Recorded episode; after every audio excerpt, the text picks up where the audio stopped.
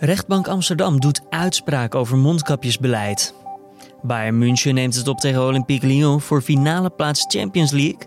En premier Mark Rutte en minister Hugo de Jonge hebben dinsdagavond een dringend advies gegeven om thuis geen feestjes meer te geven. Dit wordt het nieuws. Tegelijkertijd is ook wel weer de vraag van, maar wat gaat er nu gebeuren? Wat gaan ze nu doen om ervoor te zorgen dat die besmettingen uh, ja, terug, terug worden gedraaid? En net als vorige week, ja, wat gaan ze doen om de geest weer terug in de fles te krijgen? Politiek verslaggever Avinash Biki analyseert straks de boodschap van het kabinet voor je. Maar eerst kort het belangrijkste nieuws van nu. Mijn naam is Julian Dom het is vandaag woensdag 19 augustus. De moedermelk van vrouwen die besmet zijn geraakt met het coronavirus bevat belangrijke antistoffen tegen het virus. Dat concluderen onderzoekers van het Emma Kinderziekenhuis in Amsterdam. De antistoffen waren ook nog aanwezig nadat de melk werd opgewarmd. Daardoor is de gepasteuriseerde melk in principe ook bruikbaar voor anderen.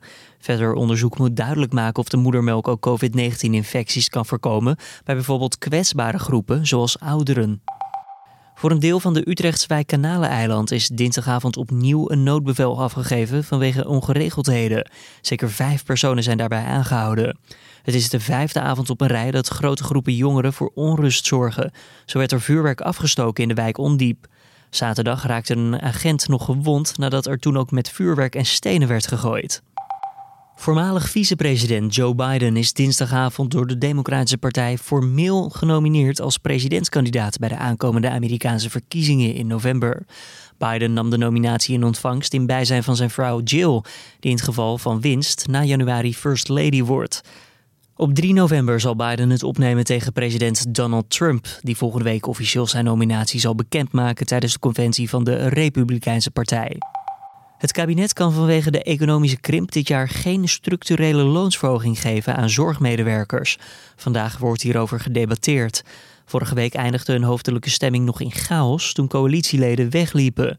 Oppositiepartijen en vakbonden zien graag zo'n structurele loonsverhoging voor de sector, die vanwege het coronavirus dit jaar extra onder druk is komen te staan.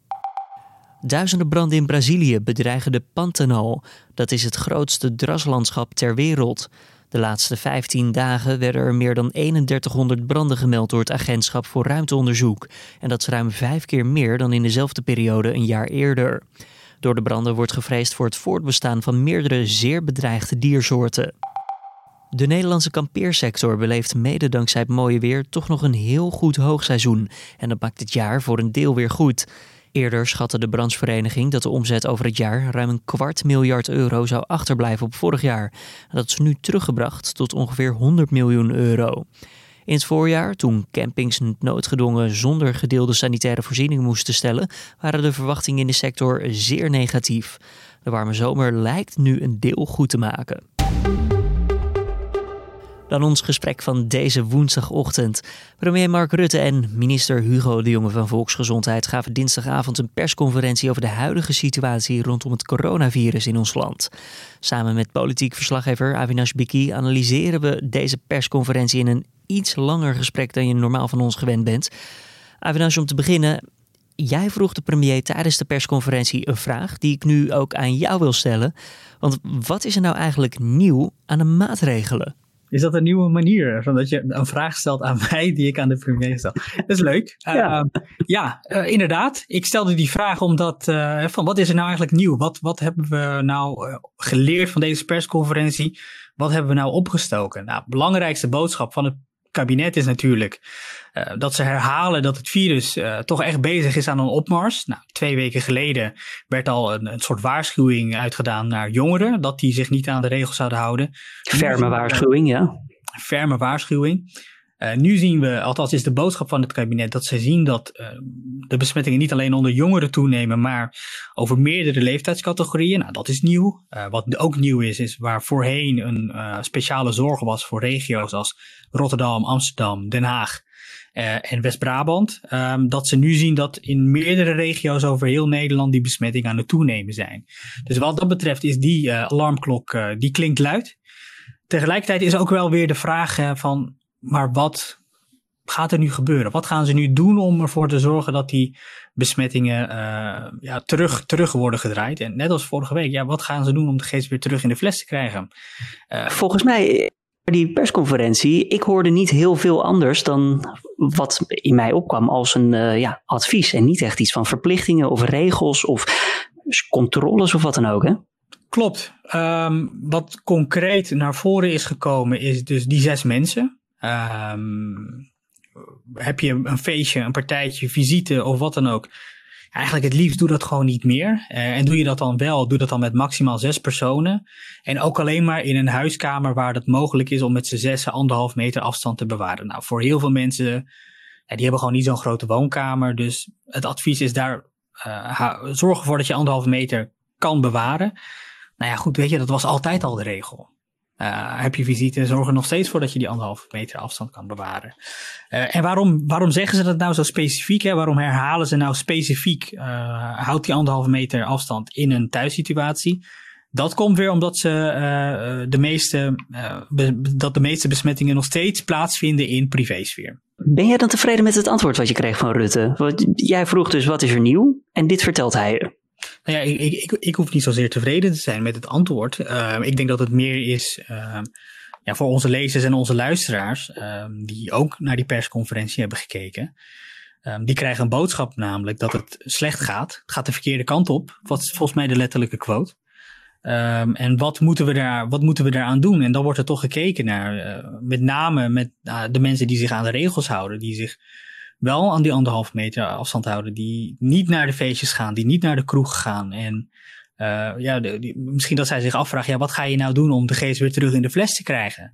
Um, voor, ik denk dat het voor hun enigszins onbevredigend is.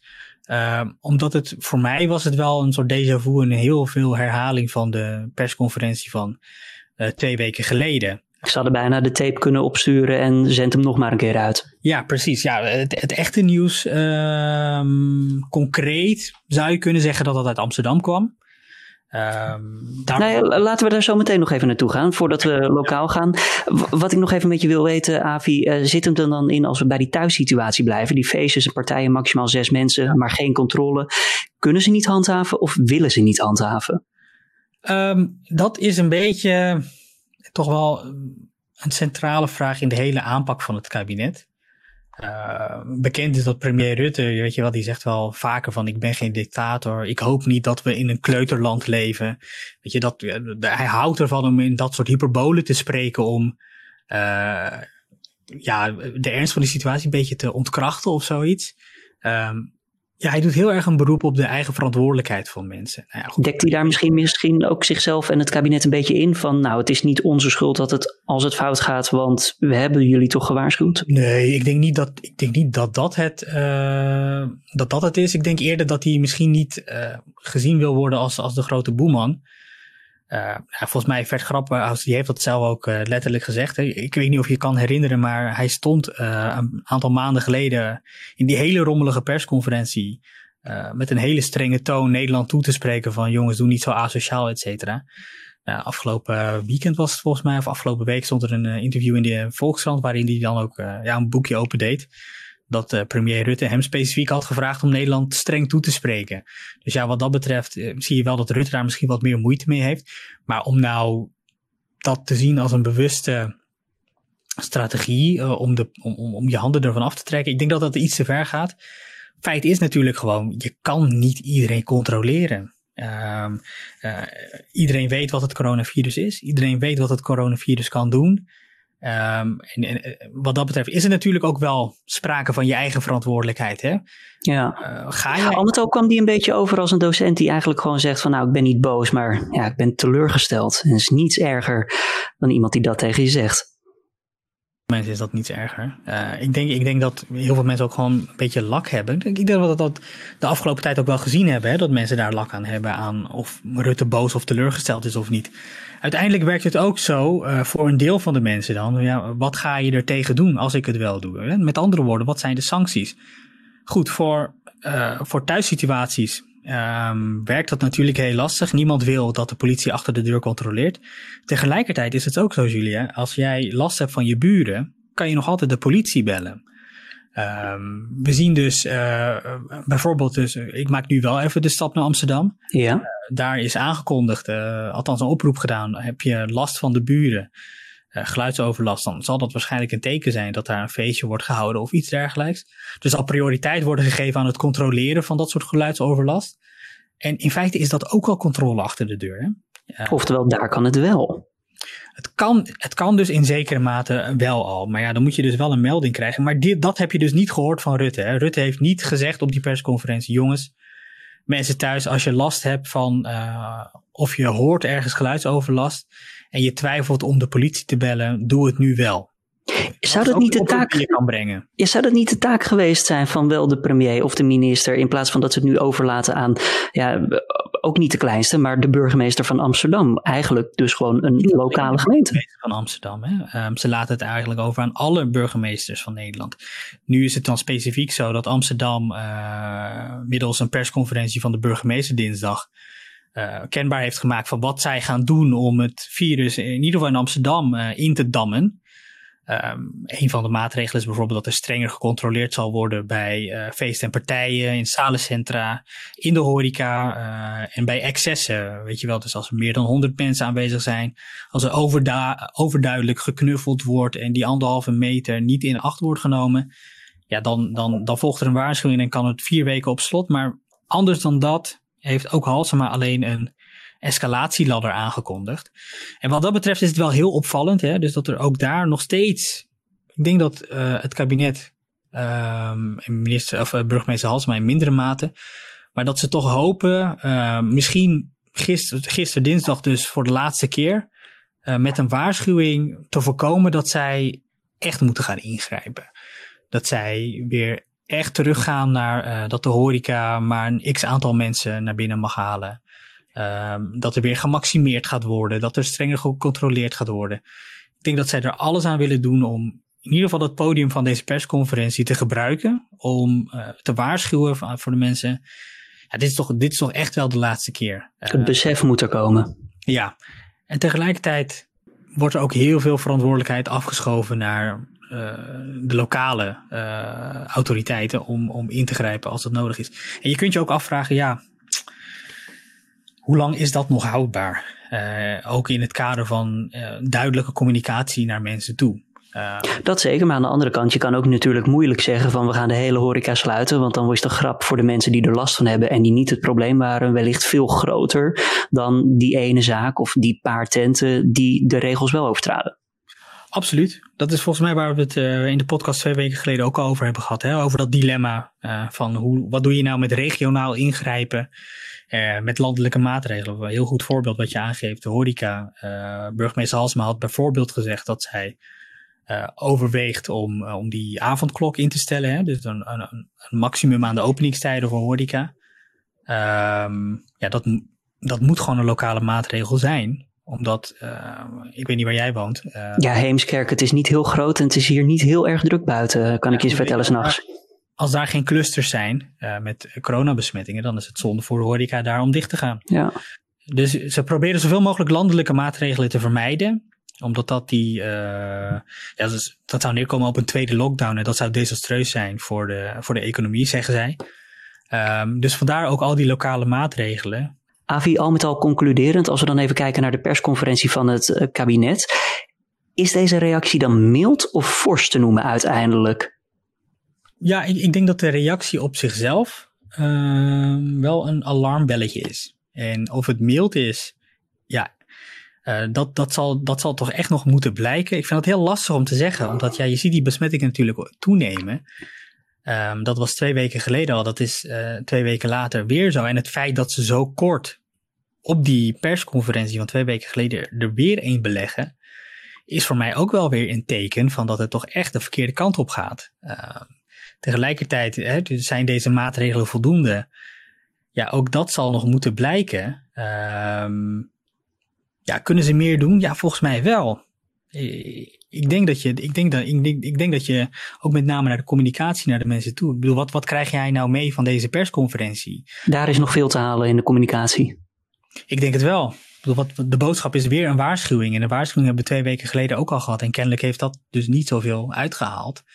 Ehm, en dan gaat Amsterdam nu ehm, maatregelen nemen en dreigen met een escalatieladder. En dan heeft uh, Hugo de Jonge een toolbox waar mensen uit, uh, uit of burgemeesters uit kunnen putten. Ja, het zijn heel veel woorden en verschillende termen door elkaar heen. Ja, dat het niet echt makkelijker maakt voor, ja, uh, voor de buurman, jouw buurman of, of, je ouders.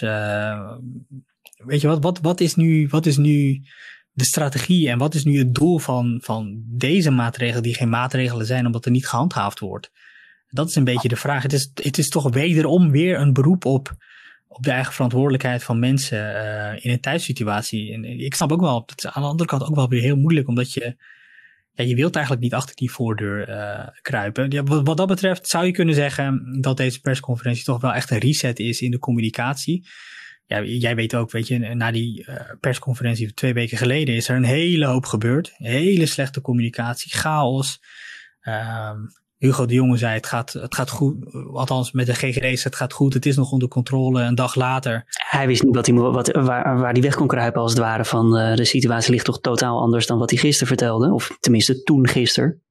Ja, niet alleen, niet alleen uh, van de afgelopen keer. Hè, die, die, die vrijdag, de, of die dag daarna kwamen de, uh, de GGD's van Rotterdam en Amsterdam. Die zeiden wij kunnen het bron- en contactonderzoek, wat dus echt heel cruciaal is om het virus in te dammen. Die kunnen ze niet meer uitvoeren. Als een soort paniekreactie kwam hij toen met een quarantainemaatregel die uiteindelijk ook niet doorgaat. Althans, uh, niet als het aan de Tweede Kamer ligt. Um, dus wat dat betreft zijn die afgelopen twee weken zijn, ja, zijn niet, niet, niet lekker gelopen. Um, qua communicatie is die boodschap ook heel onduidelijk geweest. Dus misschien dat ze deze persconferentie dus als een soort reset willen gebruiken van uh, jongens, uh, dit, is, dit is nu de echte waarschuwing ga je houden aan de regels. En anders uh, kun, je, kun, je, kun, je, kun je zien wat er gaat gebeuren als je naar Amsterdam kijkt. Dat zijn de maatregelen die Amsterdam wil nemen. Um, en ja, is dat voldoende? Dat zal moeten blijken. Weet je, ik denk dat niemand uh, erop zit te wachten dat uh, het kabinet zich, uh, net als in maart, ja, nu eigenlijk voor een tweede keer laat verrassen door het coronavirus. Politiek verslaggever Avinash Biki hoorde je. En wil je nou nog meer weten over de maatregelen? Dan kan je terecht op nu.nl of in de app. En daar hebben we ook de meest gestelde vragen vanuit ons platform Nu Jij op een rij gezet. Vanzelfsprekend met de antwoorden erbij. Verder dan vandaag op de agenda. Zoals gezegd, Olympique Lyon en Bayern München strijden in Lissabon om een plekje in de finale van de Champions League. Nadat eerder Paris Saint-Germain dinsdag al de eindstrijd behaalde. Bayern lijkt na de imposante 8-2 overwinning op FC Barcelona de grote favoriet.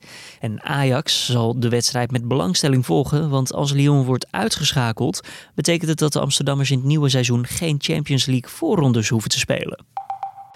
Verder doet de rechtbank in Amsterdam vandaag uitspraak in een kort geding dat is aangespannen door een lokale ondernemer in de hoofdstad, gesteund door Stichting Viruswaarheid. Zij zijn fel tegen de mondkapjesplicht in sommige delen van de stad. Er zou volgens hen sprake zijn van een onrechtmatige schending van een grondrecht.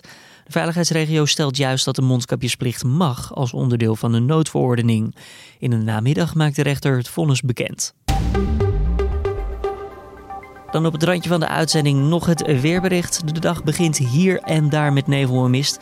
Geleidelijk breekt de zon door en vanmiddag wordt het zo'n 24 graden in het noordwesten en 28 graden in het zuidoosten. In de loop van de avond en de nacht trekt meer bewolking over het land en valt er af en toe nog wat regen. Dit was dan de Dit wordt het nieuws ochtendpodcast van deze woensdag 19 augustus. Tips of feedback? Laat het ons weten via podcast.nu.nl. Mijn naam is Julian Dom. Ik wens je voor vandaag een mooie dag. Zoals altijd is er vanmiddag de middageditie van deze podcast. En morgenochtend om 6 uur sharp zijn we er weer met de ochtendpodcast.